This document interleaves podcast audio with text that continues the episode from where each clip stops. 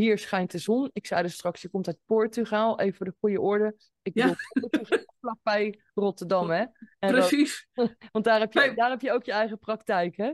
klopt. Ja, want wij hebben dus een extra O en een extra A, maar we hebben niet Ja. die zon die ze in Portugal hebben. nee, maar ik denk voordat mensen jou willen bezoeken en dat ze denken, oh, dan ga ik lekker naar Portugal. Nee, maar je hebt je eigen praktijk daar, hè? Ja, Dat, klopt. eh, Ja. Ja. Ik vind het super interessant wat je zegt. Maar nou ben ik toch ook wel benieuwd. Want oké, supplementen zouden niet zomaar meer verkocht moeten kunnen worden.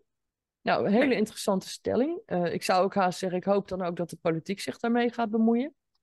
Maar wat mij ook zorgen baart, Anneke, is dat onlangs ook door de EU een wet is goedgekeurd dat voedingsfabrikanten niet verplicht zijn om daar een sticker op te plaatsen wanneer er bijvoorbeeld insecten of delen van insecten of weekdieren ingestopt zijn.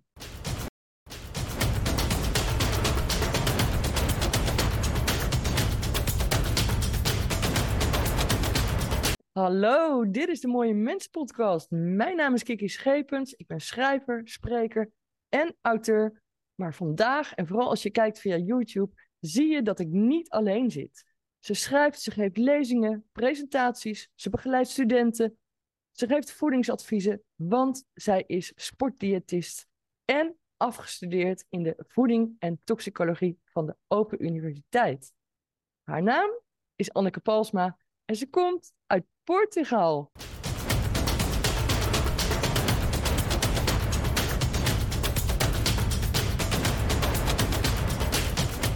Welkom Anneke.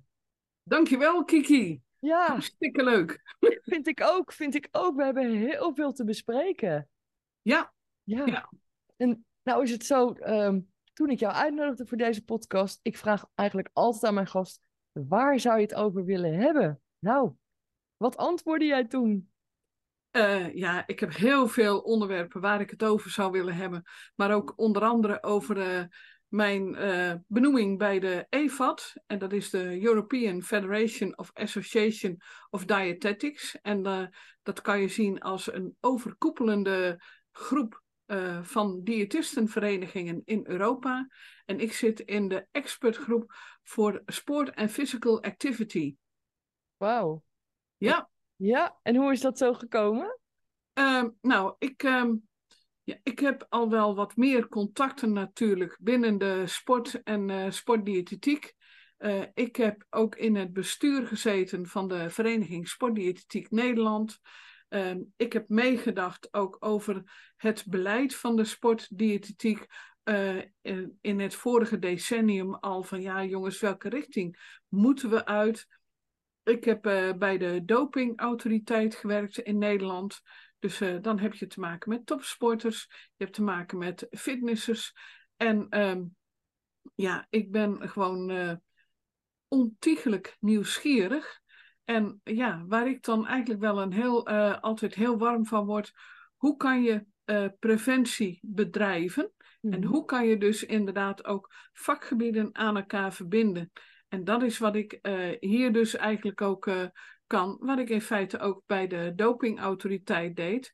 Hè, want doping, ehm, ja, dat zijn toch vaak, dat zijn, eh, dan heb je het altijd over schadelijke stoffen, die Mhm. schadelijk zijn voor de sporter. En aan de andere kant zijn het ook medicijnen. Dus wat is toxisch, wat is therapeutisch, daar heb je mee te dealen. Maar hoe ga je ermee om met de verleiding om doping te nemen, om eh, beter te worden en eigenlijk toch een goede prestatie neer te zetten. Van dus eigenlijk die verleiding, die kan groot zijn. Mhm. Nou, wat kan je daaraan doen om dat tegen te gaan? Nou, dat snijvlak, dat vind ik machtig interessant. Dus eh, daar heb ik ook wat onderzoek op gedaan om te kijken van waar, wat zijn momenten waarop een sporter kwetsbaar kan zijn om doping te nemen? Eh, wat kan ook een sport, sporter kwetsbaar maken voor eetstoornissen? En dat Mhm. komt in de sport meer voor dan in andere takken. Ja, bij modellenwerk en ehm, eh, ja, dansen. Maar dansen vind ik ook een sport. Mhm. Nou, en waar zitten dan overeenkomsten? Eetstoornissen, doping. Hè, Het is allebei bedoeld om beter te presteren in de sport. een Mhm. betere performance. Ja, en om dat dus bij elkaar te krijgen, en hoe kan je daar nou, wat kan je daar nou mee als diëtist? En wat kunnen we ermee op Europees niveau? Want we zijn natuurlijk niet alleen in dit kleine kikkerlandje hier. Ik bedoel, alle landen hebben daarmee te dealen. En Mhm. wat kan je dan als diëtist daar nou in? Ja, nou, het leuke vind ik dat je eigenlijk in wat je zojuist hebt verteld, heel veel antwoorden hebt gegeven op vragen die ik je had willen stellen. Dus dank je wel. Geweldig. Wat kun Kunnen we je gelijk nou de diepte in? Wat zei je? Kunnen we gelijk de diepte in? Ja, precies. Wat kun je daar als voedingsdiëtist in? Nou, wat je daar eigenlijk heel goed mee kan, als je weet wat de kritische momenten zijn in het leven, hè, in dat eh, topsportleven, van, eh, dat iemand kwetsbaar kan zijn voor het ontwikkelen van eetstoornissen, Mhm. dan kan je daar al wat meer op inspelen, dat je daar voorlichting op geeft aan de sporter zelf, maar ook bijvoorbeeld aan ouders, aan eh, de hele sportersgroep. Hè, als je nou de voetbalsters hebt, op dit moment hebben we natuurlijk nog het eh, voetballen in Australië. Mhm. En ja, Engeland tegen Spanje, dus dat wordt wel een kraker. En eh, ja, dan kan ik me voorstellen dat Sarina Wiegman dus best wel even zit te bedenken van ja, wat zou je ze eigenlijk eh, moeten vertellen erover? Want denk niet dat deze toppers ook allemaal gelijk eh, voor ogen hebben van wat je nou het beste kunt eten en drinken. Mhm. En dus ja, en dan kan ze dus een beroep doen op een heleboel voedingswetenschappers en sportdiëtisten in Engeland. Want ja, daar hebben we ook wel eh, redelijk wat contact mee hier in Nederland. Van wat doen ze in het buitenland? Nou, in Spanje, hetzelfde verhaal. Ja, die willen natuurlijk ook presteren. Ja. Nou, dus zo'n zo'n toernooi, dat kan al heel. eh, ja, dat, dat kan al inderdaad redelijk eh, triggeren van wat ga je doen? Ja. Nou, maar ook veel eerder in de carrière al. En als je ze veel vroeger begint met sporters weerbaar te maken, steviger ook eh, in hun schoenen kunt krijgen, dan zou je daar al wat meer mee kunnen. Om dat, eh, dat dopinggebruik te kunnen voorkomen. En behalve die voorlichting, doe je dat dan ook met supplementen, voedingssupplementen? Eh, je doet het ook met voedingssupplementen en daar heb je gelijk een heel mooi onderwerp te pakken.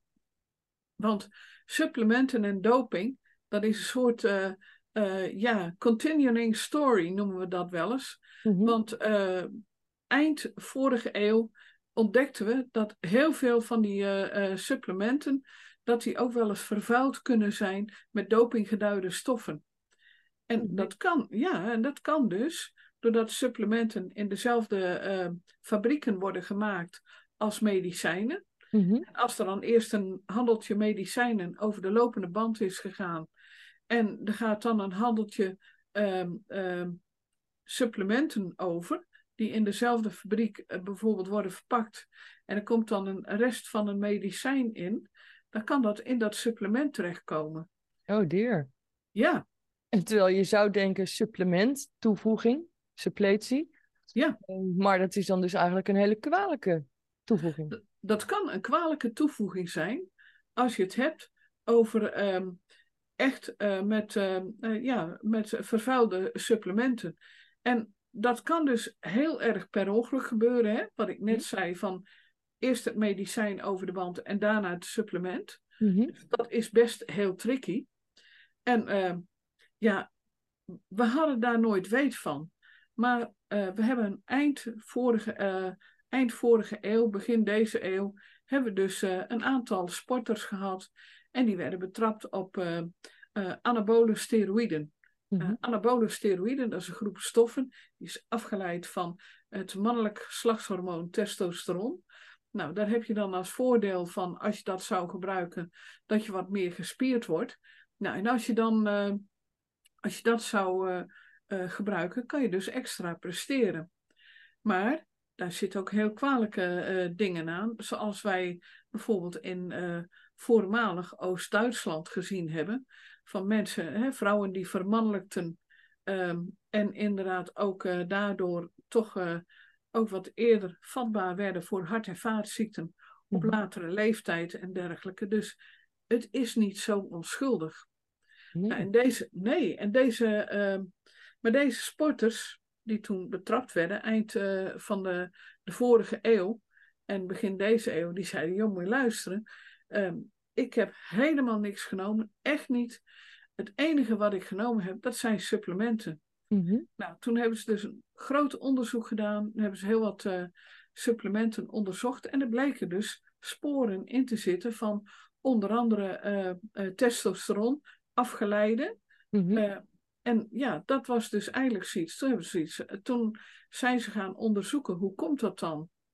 Nou, dat komt dus, ze worden soms in dezelfde ehm, fabrieken gemaakt. Dus Mhm. daar kan de vervuiling optreden.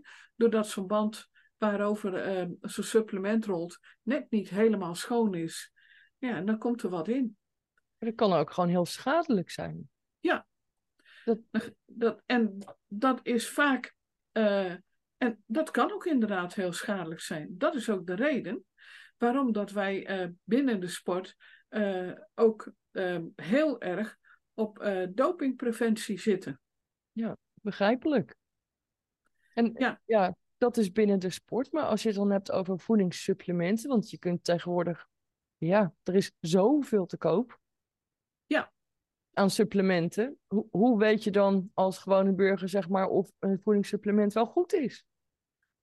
Eigenlijk zou je niet zomaar voedingssupplementen moeten kunnen kopen. Laat ik dat allereerst eens even poneren, want dat vind ik nogal een schadelijke. Dat mensen zomaar naar eh, de winkel kunnen. Je kan in de supermarkt kan je gewoon echt eh, allerlei supplementen vinden. Bij de drogist, eh, bij allerlei eh, wat grotere winkels. En eigenlijk weten de mensen die daar achter de kassa staan, met alle respect, die weten vaak niet wat ze verkopen.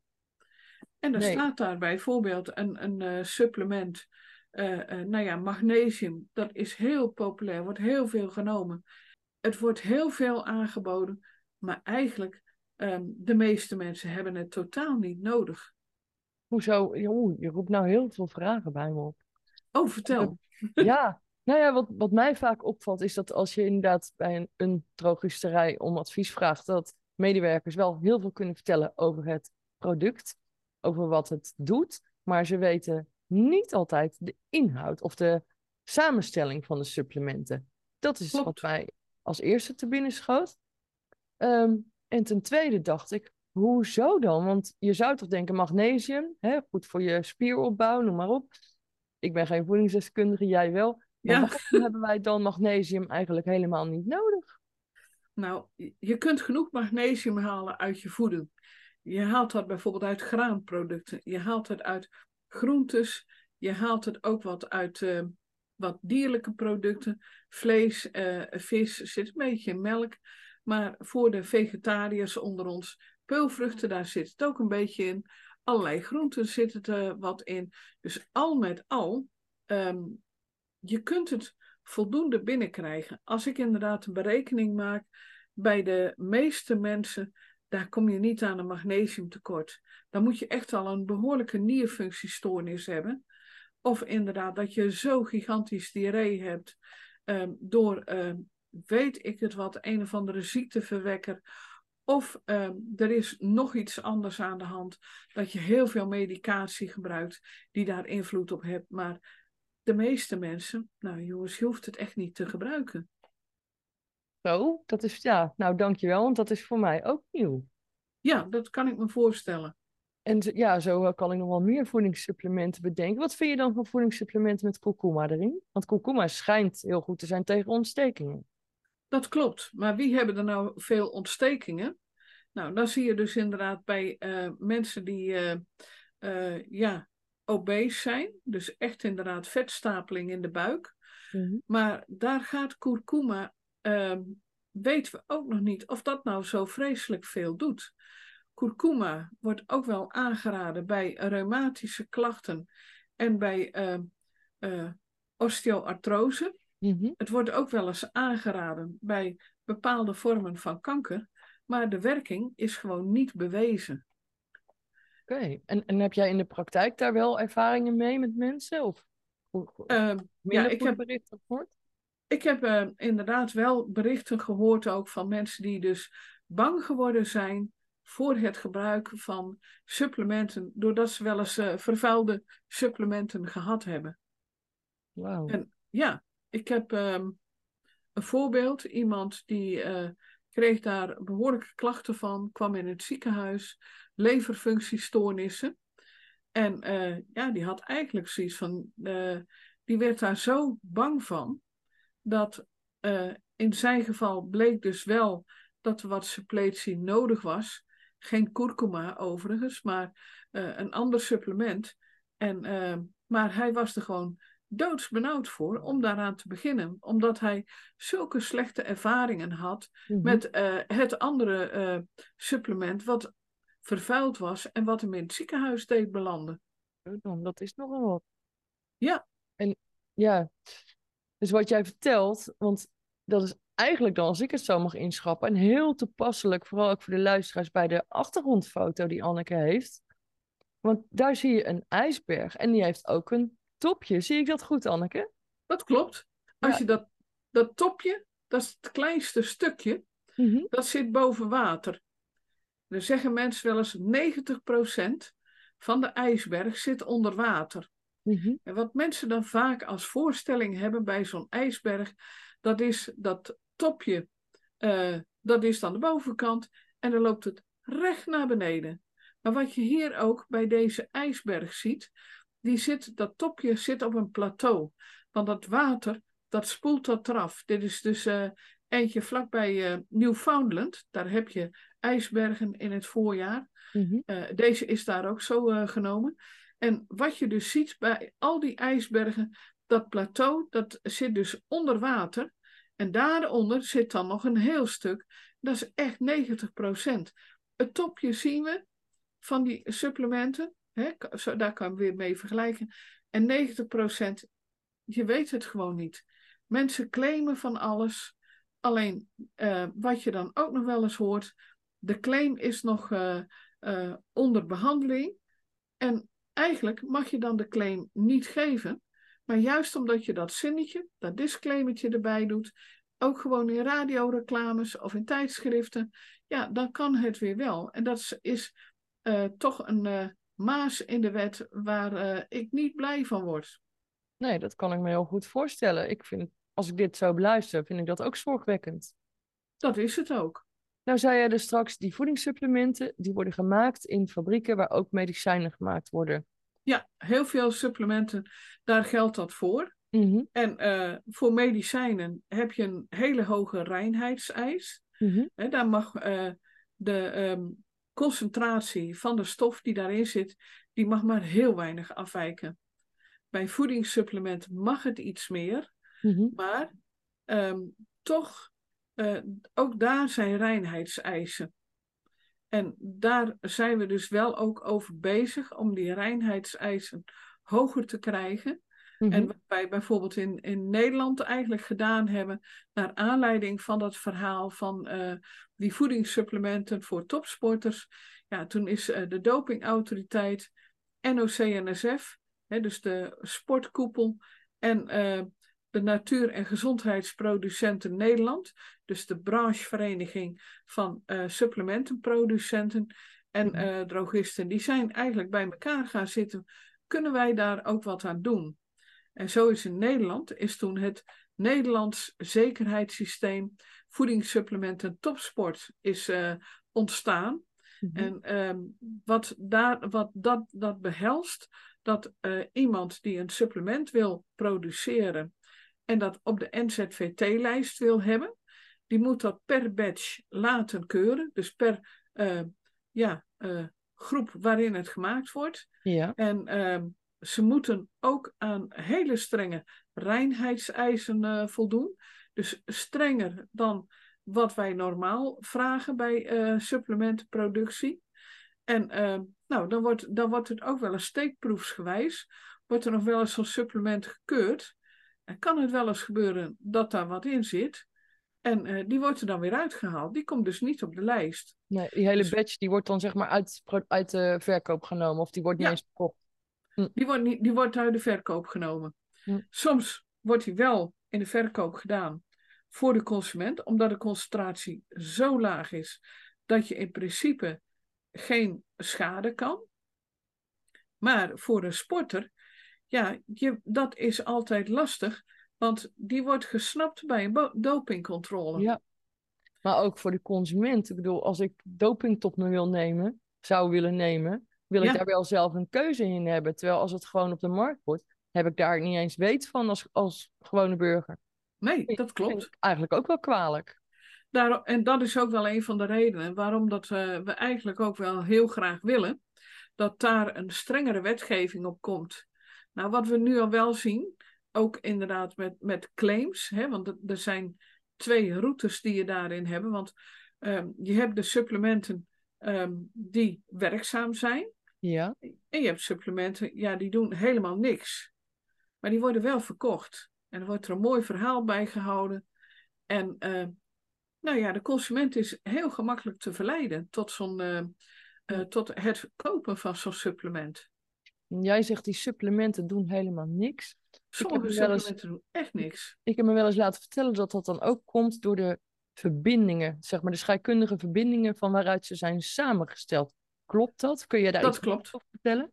Ja, dat klopt. Je hebt ook wel eens, uh, kijk, als je vitamine D, om maar een voorbeeld te noemen, is ook een heel populair voedingssupplement.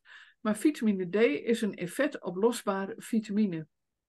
Stel dat je nou een supplement hebt met vitamine D en daar zit geen vette stoffen in, dan wordt die vitamine D ook minder goed opgenomen. Mhm. Dus dan werkt die minder. Ja. Dus Nee. dat is eigenlijk gewoon niet zo handig om dat supplement te nemen. Nee, ja, ik, ik denk zelf dan van, ja, je moet er wel toe in staat zijn, maar als je elke dag zoveel uur in de buitenlucht doorbrengt, heb je gratis vitamine D. Dat klopt. Maar in Nederland leven wij op zo'n hoge latitude. Wij leven zo noordelijk. Mhm. En de zon schijnt niet altijd. Hè? Dus Nee. zoals nu is bijvoorbeeld eh, bewolkt. Daar schijnt wel wat zon. Maar wij hebben veel minder uren zon dan bijvoorbeeld mensen in Zuid-Frankrijk. Hier schijnt de zon. Ik zei dus straks, je komt uit Portugal, even voor de goede orde. Ik Ja. bedoel, vlakbij Rotterdam, hè? En Precies, want daar heb, je, daar heb je ook je eigen praktijk, hè?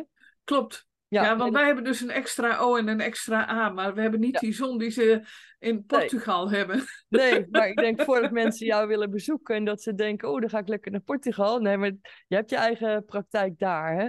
Ja, Dat, klopt. eh, Ja. ja.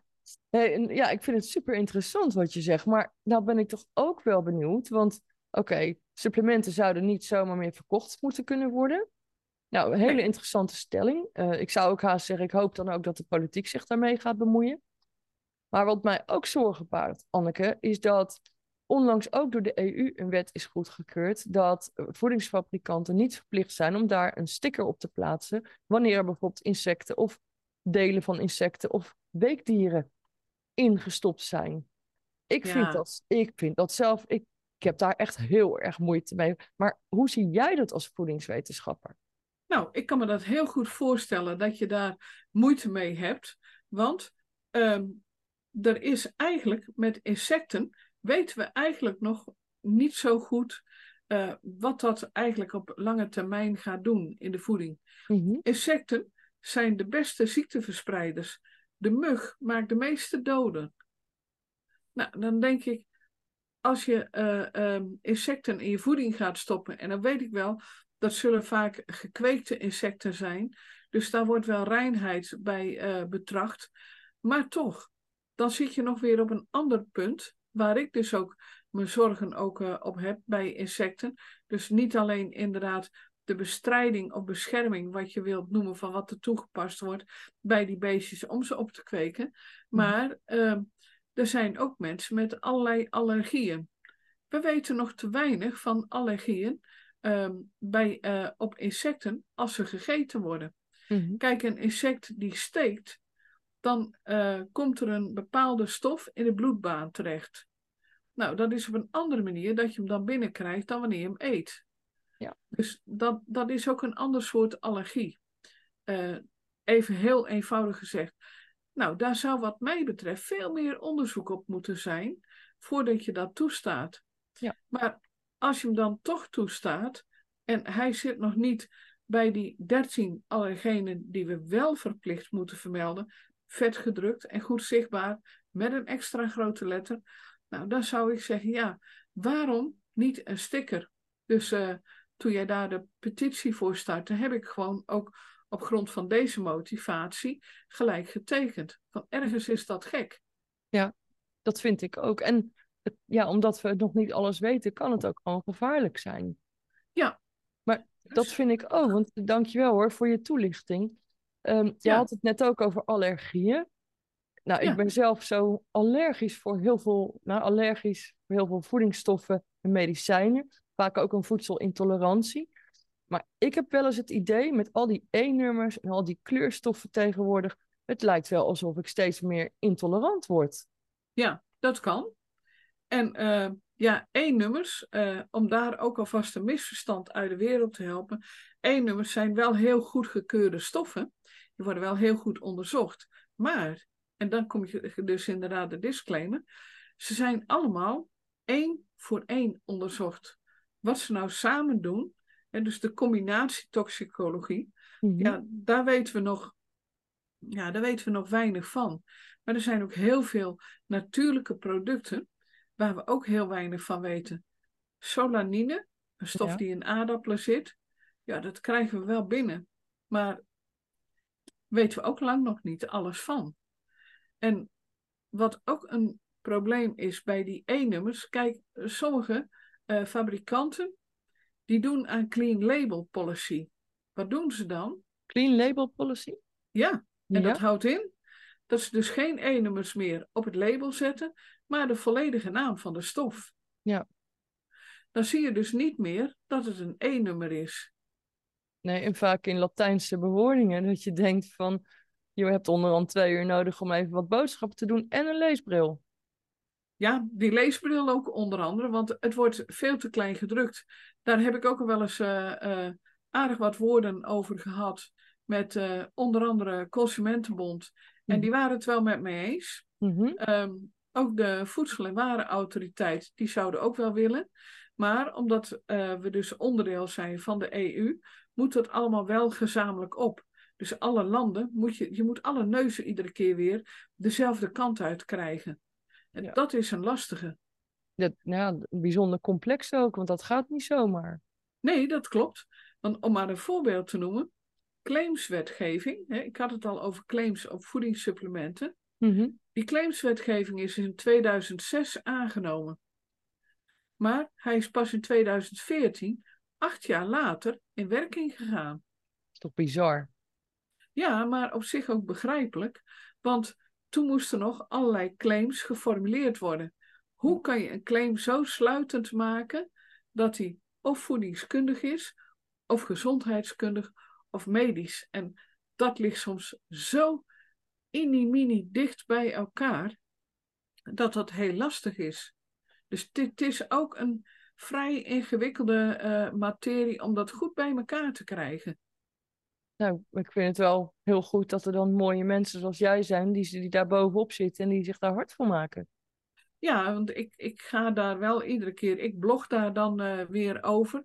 Als er dan eens het een en ander is wat dan, uh, um, ja, wat dan weer in de publiciteit komt.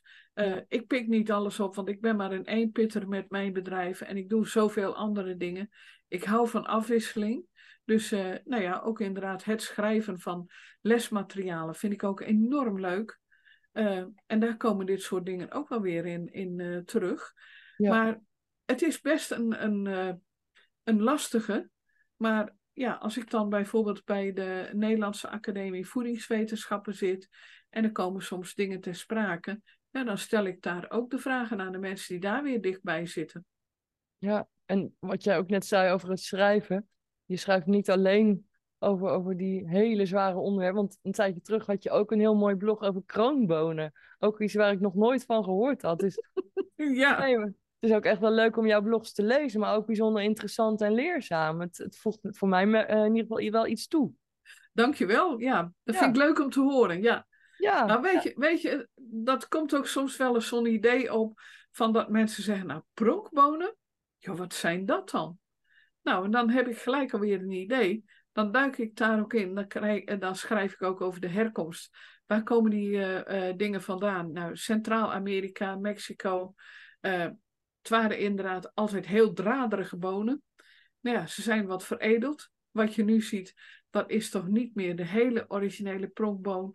Hij is wat minder vezelig, maar wel erg smakelijk. Ja, ja pronkboon zei je. Ik noemde het ja. kroonbonen, maar pronkbonen. Ja. ja. maar ik kan me wel voorstellen dat je het kroonbonen noemt. Want um, het is een siergewas van origine.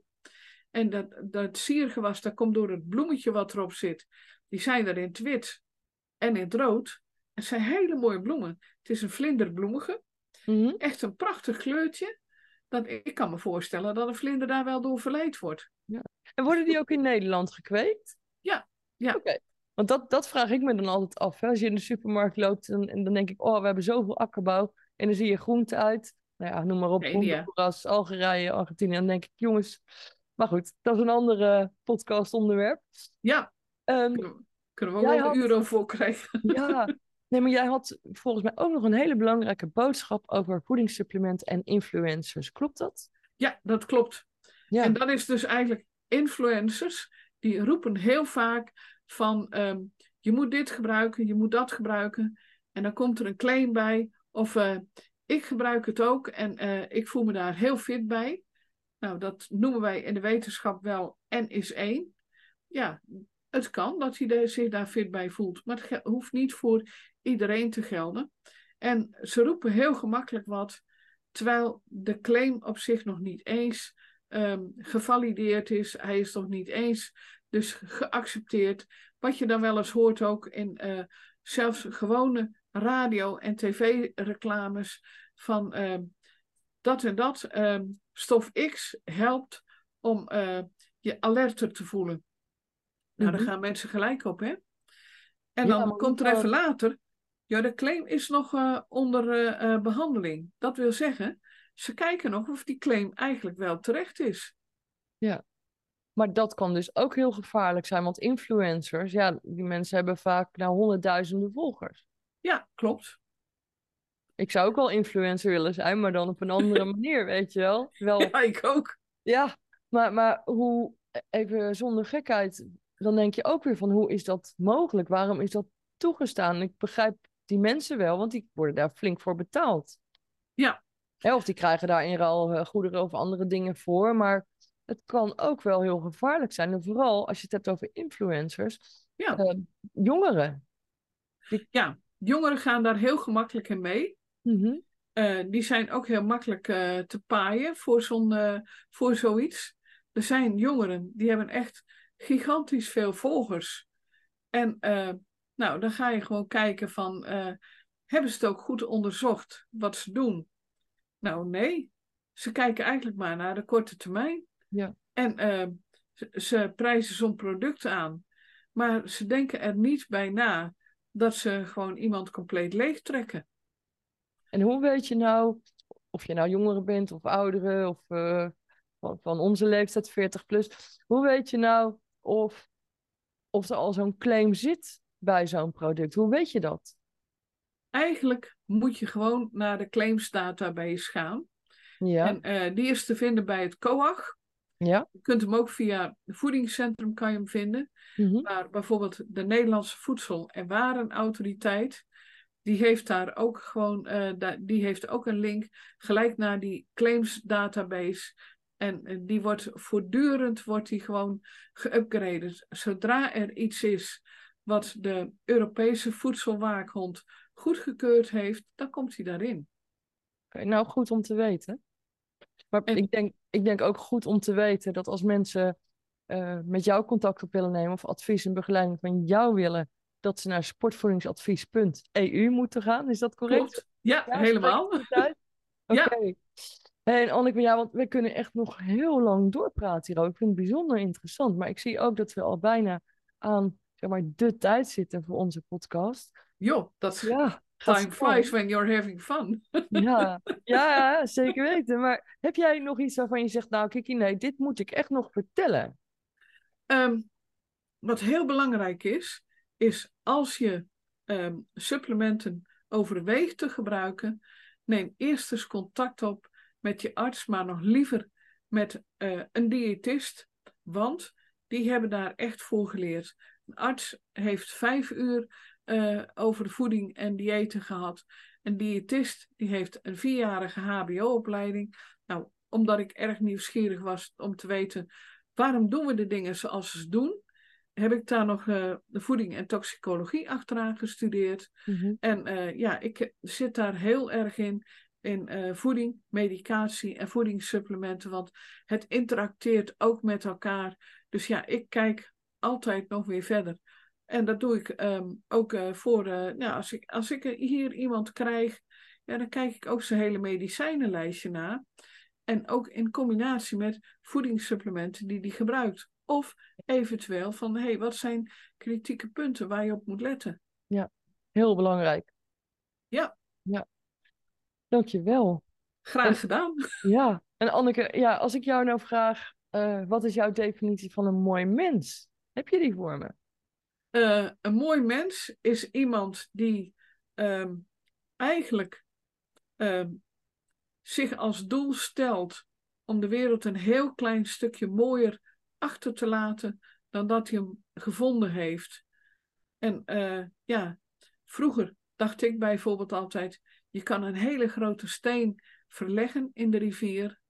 Naarmate ik ouder word, merk ik dat hij meer de omvang van het kiezeltje benadert. Dus een stuk kleiner dan die ijsberg hier achter me. Mm -hmm. Maar ik heb wel het idee van dat je soms met hele kleine dingen soms hele grote verschillen kunt maken. Dat is ook mijn fascinatie in, in voeding en uh, biochemie, biologie. Dus ja, daar hoop ik wel inderdaad een verschil in te maken. Ja, mooi. Het is ook een liedje, hè? Van Paul de Leeuw. Ik heb een steen verlegd. Oh ja, ik ken, uh, nou, van Paul de Leeuw ken ik hem niet. Ik weet van uh, uh, Bram Vermeulen destijds en Freek de Jonge. Mm -hmm. Die hadden daar ook een nummer op. En ehm, ik denk daar vaak aan.